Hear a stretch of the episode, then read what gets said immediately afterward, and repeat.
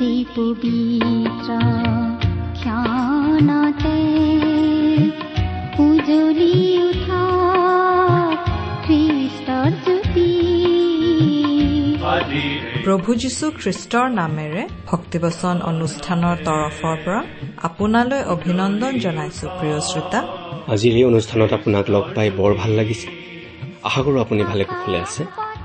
ভক্তিবচন অনুষ্ঠানত প্ৰচাৰ হোৱা ঈশ্বৰৰ বাক্যসমূহে আপোনাক কেনেদৰে সহায় কৰিছে জানিবলৈ আমাৰ বৰ মন যায়। কেতিয়াবা দুষাৰিমান আমালৈ লিখি পঠিয়াবচোন। আমাৰ ঠিকনাতে অনুষ্ঠানটিৰ শেষত কোৱা হ'ব। আপুনি কলম আৰু কাগজ সাজু কৰি থব ঈশ্বৰৰ যি দয়া কৰোণা আমি পাইছো তাকেই এই অনুষ্ঠানৰ যোগেৰে জনাবলৈ পাই আমি অতি আনন্দিত। আপোনাৰ পৰাও জানিবলৈ পালে আমি বৰ বেছি উৎসাহিত হওঁ। কিয়নো ঈশ্বৰে আমাক সকলোৰে যত্ন লয়। আপোনাৰো যত্ন লৈ আছে। নিশ্চয় আপোনাকো অনেক আশীৰ্বাদ কৰি আছে দুখ কষ্টত পৰিলে তেওঁ উদ্ধাৰ কৰিছে। বেজাৰৰ সময়ত তেওঁ আহি সান্তনা দিছে। হয়তো ৰোগত পৰোতে সুস্থতা দিছে। তেওঁ সদায় আপোনাৰ বিভিন্ন পৰিস্থিতিত যত্ন লৈ আছে। তেওঁ আচৰিত মৰমীয়াল ঈশ্বৰ তেওঁৰ মৰমবোৰ আশীৰ্বাদবোৰ স্বীকাৰ কৰিলে। পূৰণ কৰিলে সেইবোৰ দুগুণে বাঢ়ে। আহক আমি প্ৰতিদিনে ঈশ্বৰৰ পৰা পাই থকা আশীৰ্বাদবোৰ ইজনে আনজনৰ লগত প্ৰকাশ কৰোঁ।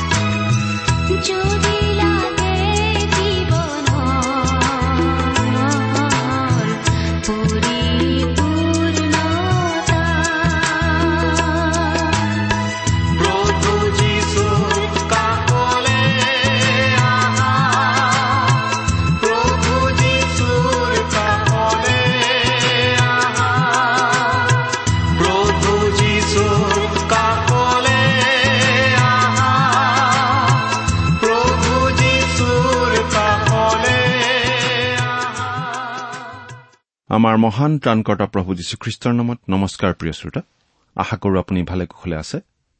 প্ৰিয় শ্ৰোতা আপুনি বাৰু আমাৰ এই ভক্তিবচন অনুষ্ঠানটো নিয়মিতভাৱে শুনি আছেনে? এই অনুষ্ঠান সম্বন্ধে আপোনাৰ মতামত আদি জনাই আমালৈ চিঠি পত্ৰ লিখিছেনে বাৰু? অনুগ্ৰহ কৰি আজি এই দুষাৰিমান লিখি পঠিয়াবচোন। আহকচোন আজিৰ বাইবেল অধ্যয়ন আৰম্ভ কৰাৰ আগতে খন্তেক প্ৰাৰ্থনাত মূৰ দুৱাওঁ। আমি প্ৰাৰ্থনা কৰো। স্বৰ্গত থকা অসীম দয়ালু কৰুণাময় পিতা তোমাৰ তুলনা নাই তোমাৰ প্ৰেম তোমাৰ কৰুণা তোমাৰ অনুগ্ৰহৰ কথা আমি বৰ্ণনা কৰি শেষ কৰিব নোৱাৰো। প্ৰভু যীশুৰ যোগেদি তুমি আমালৈ যি অনুগ্ৰহ দেখুৱালা তাৰ বাবে তোমাক অশেষ ধন্যবাদ পিতা। এতিয়া আমি তোমাৰ মহান বাক্য বাইবেল শাস্ত্ৰ অধ্যয়ন কৰিবলৈ আগবাঢ়িছো। তোমাৰ বাক্য তুমিয়েই আমাক বুজাই দিয়া। এই অনুষ্ঠানৰ আৰম্ভণিৰ পৰা শেষলৈকে তুমিয়েই আমাৰ চলাওঁতা হোৱা। অনুষ্ঠান শুনি থকা প্ৰতিজন শ্ৰোতাৰ জীৱনত তোমাৰ মহান অনুগ্ৰহৰ আশীৰ্বাদ প্ৰকাশ পাই উঠিবলৈ দিয়া। কিয়নো এই প্ৰাৰ্থনা আমাৰ মহান ত্ৰাণকৰ্তা প্ৰভু যীশুখ্ৰীষ্টৰ নামত আগবঢ়াইছো।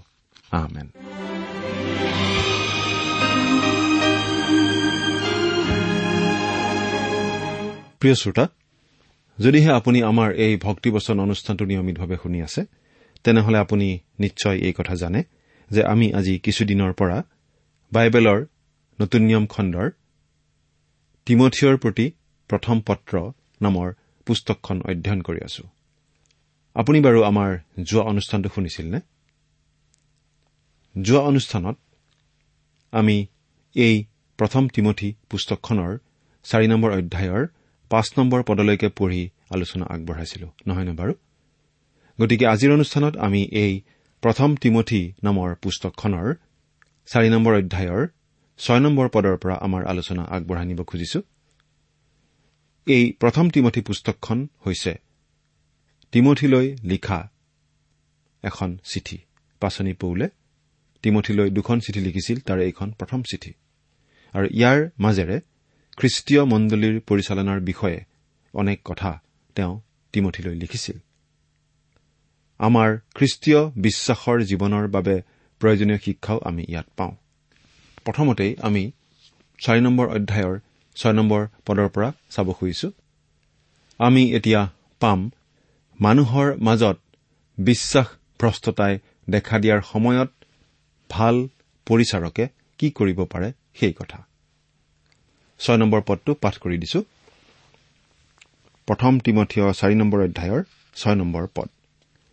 এই সকলো কথা ভাইবিলাকৰ মনত লগালে তুমি যি বিশ্বাস আৰু উত্তম শিক্ষাৰ অনুগামী হলা তাৰ বাক্যেৰে প্ৰতিপালিত হৈ খ্ৰীষ্ট যীশুৰ উত্তম পৰিচাৰক হবা। ইতিমধ্যে আমি পালো যে পৌলে তিমঠিয়ক সোঁৱৰাই দিছে আৰু সাৱধান কৰি দিছে যে খ্ৰীষ্টীয় মণ্ডলীৰ মাজলৈ ভুৱা শিক্ষক আৰু বিশ্বাস ভ্ৰষ্টতা আহিব। মানুহে বিশ্বাসত থকা বুলি ঘোষণা কৰিব কিন্তু বহুতে সেই বিশ্বাসৰ পৰা আঁতৰি আহিব। এতিয়া পৌলে তিমঠিয়ক এই বুলি কৈছে যে তেওঁ মণ্ডলীত মানুহবোৰক এই বিষয়ে সাৱধান কৰি দিব লাগে। এনেকুৱা দিন যে আহিব এনেকুৱা যে ঘটিব সেই বিষয়ে মানুহবোৰক জনাই সাৱধানে থাকিবলৈ শিকাব লাগে।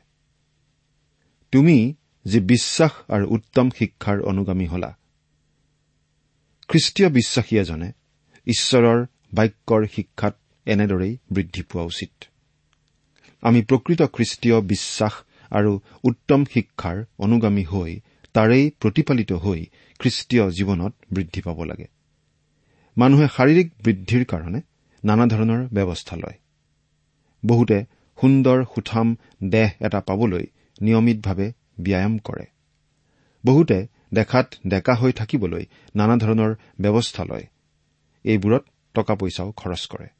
কিন্তু সেইবোৰ দেখাত বেয়া কাম নহলেও সেইবোৰে আম্মিক দিশৰ পৰা আমাৰ একো উপকাৰ নকৰে।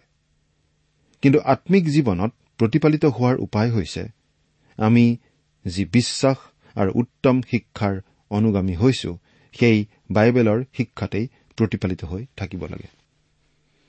বহুতে এই বুলিও ক'ব খোজে যে তিমঠি যি ঠাইত আছিল সেই ঠাইত যিহেতু নানা ধৰণৰ ভুৱা মতবাদ আৰু ছয়তানৰ জঘন্য কাৰ্যকলাপবোৰ চলি আছিল তিমঠিও সেইবোৰৰ দ্বাৰা প্ৰভাৱিত হ'ব পাৰে। কিন্তু তিমঠিয়ে যি উত্তম শিক্ষা পাইছে তাতেই লাগি থাকি তাৰেই প্ৰতিপালিত হৈ থাকিব লাগে যাতে সেইবোৰৰ পৰা আঁতৰি থাকিব পাৰে। আৰু সেইবাবেই তিমঠিক পৌলে এনেদৰে উদগাইছে। খ্ৰীষ্ট যীশুৰ উত্তম পৰিচাৰক হবা। তিমঠিয়ে যদি সেই উত্তম শিক্ষাতেই প্ৰতিপালিত হৈ থাকে তেনেহলে যীশুখ্ৰীষ্টৰ উত্তম পৰিচাৰক হ'ব পাৰিব। ইয়াত কিন্তু পৌলে তিমঠিক এই কথা জনাইছে যে তিমঠিয়ে আন বিশ্বাসীসকলক এই কথা শিকালে উত্তম পৰিচাৰকৰ কাম কৰা হ'ব। অৰ্থাৎ তিমঠিৰ সেইটোৱেই এটা ডাঙৰ পৰিচৰ্যা। সকলোৱে ঈশ্বৰৰ বাক্যৰ পৰা শিক্ষা দিব নোৱাৰে। সকলোকে ঈশ্বৰে সেই বৰ দিয়া নাই। কিন্তু প্ৰতিজন খ্ৰীষ্টীয় বিশ্বাসী একোজন পৰিচাৰক। পাচনি পৌলে তিমঠিক ভুৱা শিক্ষক আৰু বিশ্বাসভ্ৰষ্টতা যে মণ্ডলীলৈ আহিব সেই কথা জনাই দিছে আৰু সেইবোৰৰ বিষয়ে আনকো সাৱধান কৰি থাকিবলৈ কৈছে। কিন্তু তেওঁ আৰু কিছুমান বিষয় উল্লেখ কৰিব যিবোৰৰ পৰা তিমঠি আঁতৰি থকা উচিত।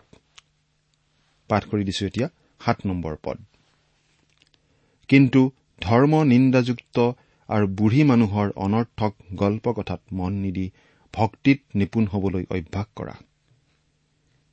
ধৰ্ম নিন্দাযুক্ত আৰু বুঢ়ী মানুহৰ অনৰ্থক গল্প কথাত মন নিদি। বয়সীয়া মানুহবিলাকে সৰু ল'ৰা ছোৱালীক নানা ধৰণৰ কথা কয়। কিন্তু ডাঙৰ আৰু প্ৰাপ্তবয়স্ক মানুহৰ মাজতো নানা ধৰণৰ অনৰ্থক আলোচনা বিলোচনা চলে। বহুতো মতবাদৰ সৃষ্টি হয় বহুতো অলাগতিয়াল কথাত সময় খৰচ হয়। আমি আমাৰ সময় অলাগতিয়াল আলোচনাত কোনো লাভ নোহোৱা আলোচনাত খৰচ কৰা নিশ্চয় উচিত নহয়। বহু সময়ত মানুহে ভদ্ৰভাৱেই ধৰ্ম নিন্দা কৰে। মণ্ডলীৰ পালক চলাওঁতা নেতা আদিৰ সমালোচনা কৰে। ঈশ্বৰৰ বিৰুদ্ধেও কথা কৈ নিজক পণ্ডিত দেখুৱাব খোজে। কিন্তু এনে অসাৰ কথাৰ পৰা আঁতৰি থকাই ভাল। তাৰ পৰিৱৰ্তে আমি কি কৰা উচিত? ভক্তিত নিপুণ হবলৈ অভ্যাস কৰা। তিমঠিক ভক্তিত নিপুণ হবলৈ অভ্যাস কৰিবলৈ কোৱা হৈছে। আমি ভক্তিপূৰ্ণ জীৱন যাপন কৰাত নিপুণ হ'ব পাৰো যদিহে আমি অভ্যাস কৰো অৰ্থাৎ আমি ভক্তিপূৰ্ণ জীৱন যিমানেই কটাম সিমানেই আমি নিপুণ হ'ম। আমি কেৱল জানিলেই নহ'ব জনা কথা আমাৰ জীৱনত প্ৰয়োগ কৰিব লাগিব। বহু সময়ত আমি কি কৰিব নালাগে সেইটোত বেছি জোৰ দিওঁ কিন্তু কি কি কৰিব লাগে সেইবোৰ কৰিবলৈ পাহৰি থাকো। আঠ নম্বৰ পদ। কিয়নো শাৰীৰিক নিপুণতাৰ অভ্যাস অলপ বিষয়ত লাভজনক। কিন্তু ভক্তি সকলো বিষয়ত লাভজনক। কাৰণ সেয়ে বৰ্তমান আৰু ভৱিষ্যত জীৱনৰো প্ৰতিজ্ঞাযুক্ত। বহুতে ভাবিব পাৰে যে পাচনি পৌলে শাৰীৰিক ব্যায়াম আদি বিষয়ক ইয়াত তুচ্ছ কৰিছে। কিন্তু আমি হলে তেনেকৈ বুজা নাই। আৰু আমি শাৰীৰিক ব্যায়াম আদি অপ্ৰয়োজনীয় বুলি কেতিয়াও ক'ব খোজা নাই। পৌল তিনি বছৰ কাল ইফিছত আছিল আৰু তাতে সেই বিখ্যাত কলিচিয়াম আছিল য'ত সেই সময়ত অলিম্পিকছ গেমছৰ আয়োজন কৰা হৈছিল। তাত প্ৰায় এক লাখ মানুহ বহিব পাৰিছিল আৰু প্ৰায়েই দৌৰা প্ৰতিযোগিতা তাত হৈছিল। পৌলে সেই দৌৰা প্ৰতিযোগিতাৰ উদাহৰণ ব্যৱহাৰ কৰিছে খ্ৰীষ্টীয় জীৱনটো বুজাবলৈ আৰু সেয়া আমি পঢ়িবলৈ পাওঁ প্ৰথম কৰিন্ঠিয়া ন নম্বৰ অধ্যায়ৰ চৌব্বিছৰ পৰা সাতাইছ নম্বৰ পদত। গতিকে আমি ধৰি ল'ব পাৰো যে পৌলে শাৰীৰিক ব্যায়াম ইত্যাদিৰ কথা খুব ভালদৰে জানিছিল। সেই সময়ত মানুহবোৰে যিহেতু বেছিভাগ ক্ষেত্ৰতেই খোজকাঢ়িয়েই ফুৰিব লাগিছিল আৰু পৌলেও খোজকাঢ়ি কাঢ়িয়েই ৰোমান সাম্ৰাজ্যখনতেই খ্ৰীষ্টৰ শুভবাৰ্তা বিয়পাইছিল গতিকে শাৰীৰিক ব্যায়াম আদিৰ কথা শাৰীৰিক উৎকৰ্ষ সাধন আদিৰ কথা তেওঁ নিশ্চয় ভালদৰে জানিছিল। সেইবোৰ অপ্ৰয়োজনীয় বুলি তেওঁ নিশ্চয় ভবা নাছিল। তেনেহলে পৌলে ইয়াত শাৰীৰিক ব্যায়াম আদিতকৈ ভক্তিৰ বিষয়ত বেছি গুৰুত্ব কিয় দিছে? কাৰণ ইফিচিয়া লোকসকল খেলা ধূলা প্ৰিয় লোক আছিল। গতিকে তেওঁলোকে সেইবোৰতেই বেছি সময় কটাই ঈশ্বৰলৈ পিঠি দিয়াৰ ভয় আছিল। আমাৰ মাজতো আজি এনেকুৱা লোক আছে যিসকলে প্ৰাৰ্থনা সভাত যিমান সময় কটায় তাতকৈ বেছি সময় বিভিন্ন খেলা ধূলা আদিতহে কটায় বিশেষকৈ ডেকাসকলে। সেইটো ঠিক কথা হয় জানো? পৌলে শাৰীৰিক ব্যায়াম আদি বেয়া বুলি কোৱা নাই কিন্তু কোনটো বেছি প্ৰয়োজনীয় সেইটোহে কৈছে। শাৰীৰিক ব্যায়াম অলপ বিষয়তহে লাভজনক কিন্তু ভক্তি সকলো বিষয়ত লাভজনক কাৰণ সেয়ে বৰ্তমান আৰু ভৱিষ্যত জীৱনৰ বাবে প্ৰতিজ্ঞাযুক্ত। শাৰীৰিক ব্যায়ামে আমাক কেৱল এই জীৱনতহে সহায় কৰিব। কাৰণ যেতিয়া আমি নতুন শৰীৰ পাম তেতিয়া এই পৃথিৱীত থাকোঁতে ব্যায়াম কৰিছিলো নে নাই সেইটোৰ ওপৰত আমাৰ সেই নতুন শৰীৰ নিৰ্ভৰ নকৰিব। কিন্তু ভক্তি সকলো বিষয়তে লাভজনক। প্ৰিয় শ্ৰোতা খ্ৰীষ্টীয় বিশ্বাসী হিচাপে আমি বেয়া কাম কৰি ক্ষমা বিচাৰি আকৌ ঈশ্বৰলৈ উভতি আহিলে নিশ্চয় ক্ষমা লাভ কৰো তাত সন্দেহ নাই। কিন্তু ভক্তিপূৰ্ণ জীৱন যাপন কৰাটো কেৱল এই জীৱনতেই নহয় আহিবলগীয়া জীৱনৰ বাবেও লাভজনক। সেই অপব্যয় পুত্ৰই পিতাকৰ পৰা আঁতৰি গৈ বহু কিবা কিবি হেৰুৱাইছিল। যদিও তেওঁ উভতি অহাৰ পাছত পিতাকে তেওঁক গ্ৰহণ কৰি লৈছিল। যি খ্ৰীষ্টীয় বিশ্বাসীয়ে যধে মধে জীয়াই থাকে তেনে বিশ্বাসীয়ে এই জীৱনতেই নহয় আহিবলগীয়া জীৱনতো তাৰ ফল ভুগিবলগীয়া হ'ব। প্ৰিয় শ্ৰোতা আপুনি শাৰীৰিক ব্যায়াম আৰু খেলা ধূলা আদিৰ প্ৰতি যিমান আগ্ৰহী ভক্তিপূৰ্ণ জীৱন যাপনৰ বাবে সিমান আগ্ৰহী নে বাৰু? শাৰীৰিক বিষয়বোৰ এই জীৱন শেষ হোৱাৰ লগে লগেই শেষ হয়। কিন্তু ভক্তিপূৰ্ণ জীৱন এই জীৱনৰ সিপাৰতো চলি থাকে। ন নম্বৰ পদ। এই কথা বিশ্বাসযোগ্য। আৰু সকলোৱে গ্ৰাহ্য কৰিবৰ যোগ্য। পৌলে ইয়াৰ আগতে কোৱা কথাখিনিকেই আকৌ জোৰ দি কৈছে। অৰ্থাৎ তেওঁ এনেদৰে কৈছে এই কথা বিশ্বাসযোগ্য এই কথা নিৰ্ভৰযোগ্য এই কথা সেই প্ৰথম শতিকাত ইফিছত বিশ্বাসযোগ্য আছিল। এই কথা আজি আমাৰ নিজৰ ঠাইতো বিশ্বাসযোগ্য বুলি আমি গ্ৰহণ কৰিব পাৰোঁ। এতিয়া দহ নম্বৰ পদটো পঢ়ি দিব খুজিছো। কিয়নো এই আশয়েৰেই আমি পৰিশ্ৰম কৰো আৰু প্ৰাণপণো কৰো। কাৰণ যি ঈশ্বৰ সকলো মানুহৰ বিশেষকৈ বিশ্বাস কৰাবিলাকৰ ত্ৰাণকৰ্তা হয় আমি সেই জীৱনময় ঈশ্বৰত ভৰসা কৰিলো। প্ৰিয় শ্ৰোতা আজি যদি আপুনি যীশুখ্ৰীষ্টৰ পক্ষে থিয় দিছে তেন্তে আপুনি কিবা এটা ত্যাগ স্বীকাৰ কৰিব লাগিব। কষ্ট স্বীকাৰ কৰিব লাগিব পৰিশ্ৰম কৰিবই লাগিব। যীশুখ্ৰীষ্ট সকলো মানুহৰ ত্ৰাণকৰ্তা। এবাৰ এজন মানুহে যীশুখ্ৰীষ্টক এজন কৃষ্ণাংগ মানুহ হিচাপে অঁকা ছবি এখন দেখি বৰ বেয়া পাইছিল। তেতিয়া আন এজন লোকে তেওঁক কৈছিল তাতেনো কি হ'ল? খ্ৰীষ্ট সকলো জাতিৰ লোকৰ ত্ৰাণকৰ্তা হয়। তেওঁৰ চকুৰ ৰং কি চুলিৰ ৰং কি সেইটো একো দৰকাৰী কথা নহয়। শাস্ত্ৰত সেই বিষয়ে আমাক একো কোৱা নাই। কিন্তু শাস্ত্ৰই আমাক এই কথা স্পষ্টভাৱে জনাইছে যে তেওঁ সকলো জাতিৰ ত্ৰাণকৰ্তা। আপুনি যিয়েই নহওক কিয় তেওঁৱেই আপোনাৰ ত্ৰাণকৰ্তা। তেওঁ একমাত্ৰ ত্ৰাণকৰ্তা বুলি বাইবেলে কয়। বিশেষকৈ বিশ্বাস কৰাবিলাকৰ। খ্ৰীষ্ট সকলো জাতিৰ সকলো মানুহৰ বাবে ত্ৰাণকৰ্তা। কিন্তু আপুনি যদি ইচ্ছা কৰে তেওঁক প্ৰত্যাখ্যানো আপুনি কৰিব পাৰে। উদাহৰণস্বৰূপে এখন বাছ আপোনাৰ ঠাইৰ পৰা ৰাজধানীলৈ যায়। সেইখন সকলোৰে বাবে ৰাজধানীলৈ যোৱা বাছ তাত সন্দেহ নাই। কিন্তু যিজনে টিকেট কাটি সেই বাছত উঠে তেওঁহে ৰাজধানী পায়গৈ। খ্ৰীষ্ট সকলো লোকৰ বাবে ত্ৰাণকৰ্তা কিন্তু একমাত্ৰ যিবিলাকে বিশ্বাস কৰে তেওঁবিলাকেহে পৰিত্ৰাণ পায়। কিয়নো ঈশ্বৰে জগতক ইমান প্ৰেম কৰিলে যে নিজৰ একেজাত পুত্ৰকে দান কৰিলে। যাতে যিকোনোৱে তেওঁত বিশ্বাস কৰে তেওঁ নষ্ট নহয় কিন্তু অনন্ত জীৱন পায়। জোহন তিনি অধ্যায় ষোল্ল পদ। এতিয়া এঘাৰ আৰু বাৰ নম্বৰ পদ দুটা পঢ়ি দিছো। তুমি এইবোৰ কথা আজ্ঞা দিয়া আৰু শিকোৱা। তোমাৰ অলপ বয়সক হেক জ্ঞান কৰিবলৈ কাকো নিদিবা।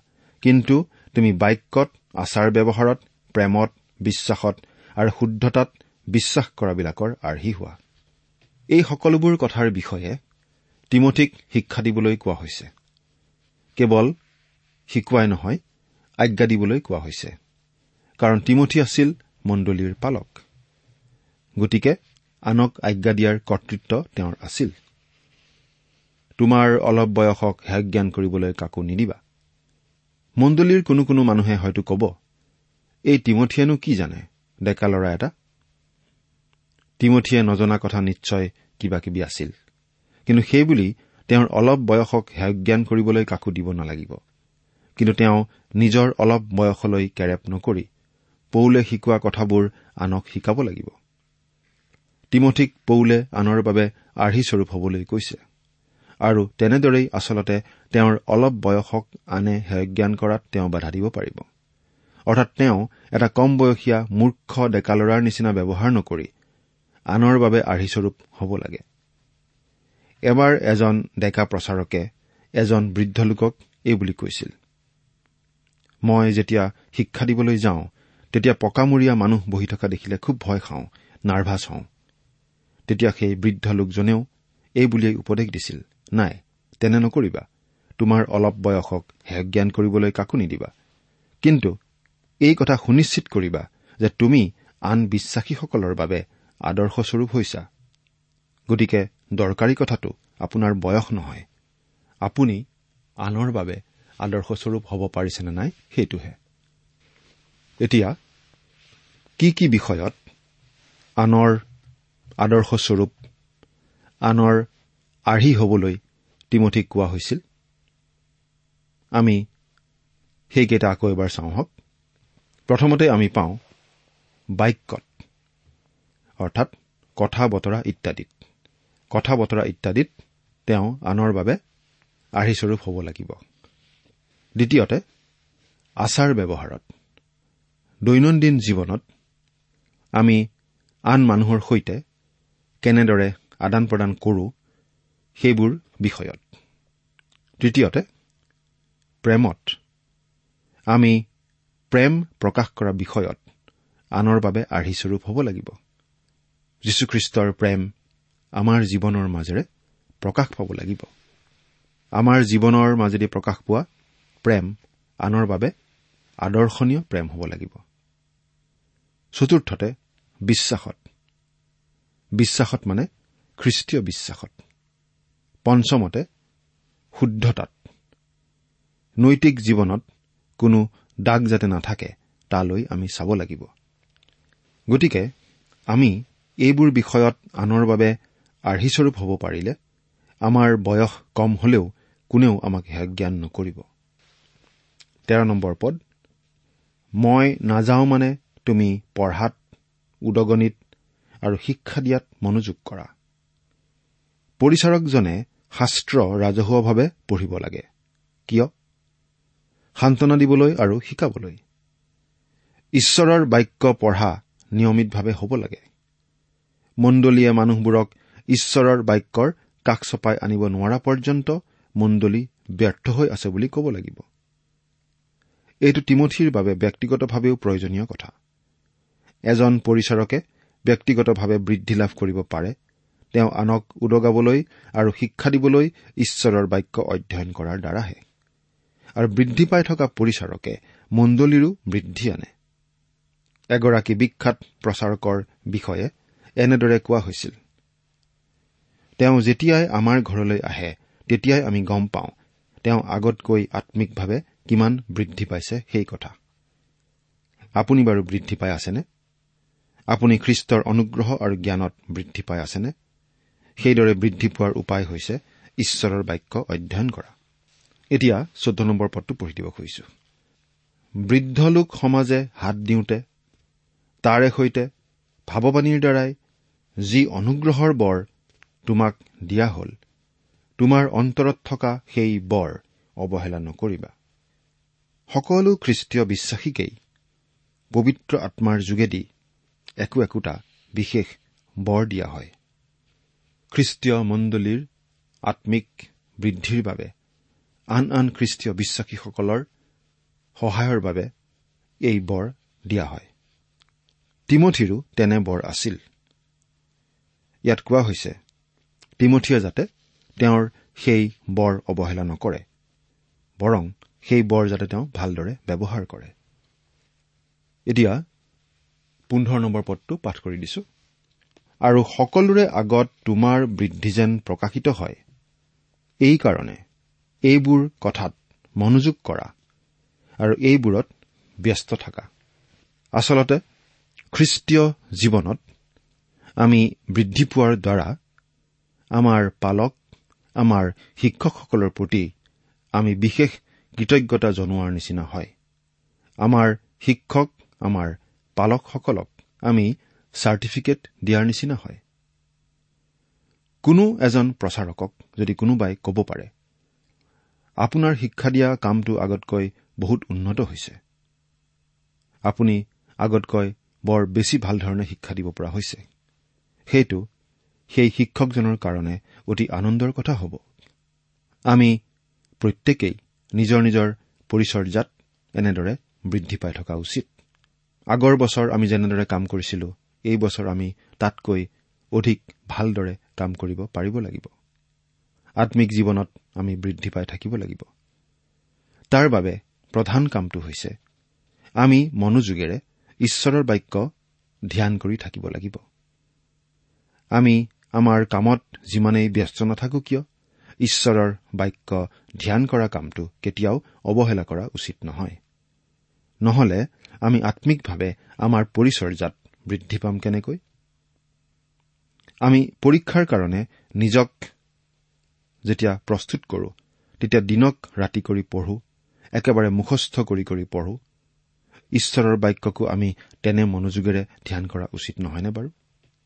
ষোল্ল নম্বৰ পদ। নিজৰ বিষয়ে আৰু শিক্ষাৰ বিষয়ে সাৱধান হোৱা আৰু এইবোৰত থাকা কিয়নো ইয়াকে কৰিলে তুমি নিজৰ আৰু শুনাবিলাকৰো পৰিত্ৰাণ কৰাবা।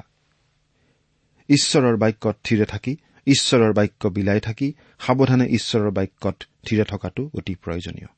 কাৰণ চাৰিওপিনে মন্দতা ভুৱা শিক্ষা আৰু বিশ্বাসভ্ৰষ্টতাৰ পয়োভৰ। গতিকে খ্ৰীষ্টীয় বিশ্বাসৰ জীৱনত থিৰে থাকিবলৈ আমি সাৱধানে চলিব লাগিব। আমি নিজেও সাৱধান হ'ব লাগিব। আনক শিকোৱাৰ ক্ষেত্ৰতো সাৱধান হ'ব লাগিব। প্ৰিয় শ্ৰোতা আপুনি বাৰু প্ৰভু যীশুখ্ৰীষ্টক আপোনাৰ জীৱনৰ ত্ৰাণকৰ্তা বুলি গ্ৰহণ কৰা কিমান বছৰ হ'ল? আপুনি বাৰু তেওঁৰ বিশ্বাসত দিনে দিনে বৃদ্ধি পাই থকাটো আনৰ দৃষ্টিগোচৰ হৈছেনে? চিন্তা কৰি চাওকচোন। ঈশ্বৰে আপোনাক আশীৰ্বাদ কৰক। আহমেন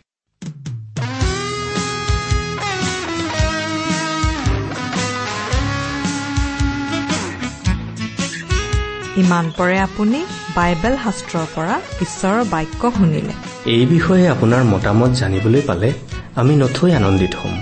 আমি প্ৰস্তুত কৰা বাইবেল অধ্যয়নৰ চিডিসমূহ পাব বিচাৰিলে আৰু অনুষ্ঠানত প্ৰচাৰ কৰা কোনো কথা বুজিব লগা থাকিলেও আমালৈ লিখক।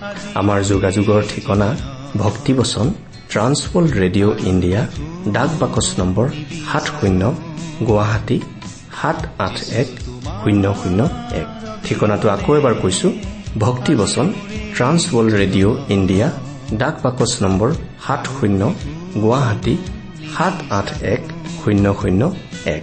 আমাৰ ইমেইল এড্ৰেছটো হৈছে Assamese T TV at the rate radio' eight eight two dot com আমাৰ website W W W dot T W R dot in আপুনি টেলিফোনৰ মাধ্যমেৰেও আমাক যোগাযোগ কৰিব পাৰে।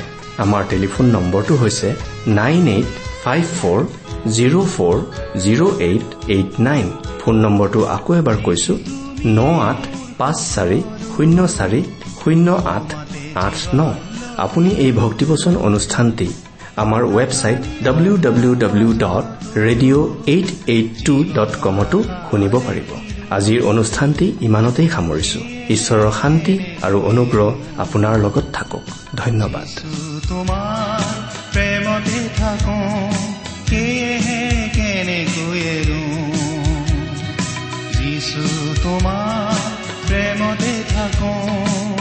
যিছু তোমাৰ অবিহনে আজি মোৰে জীৱন।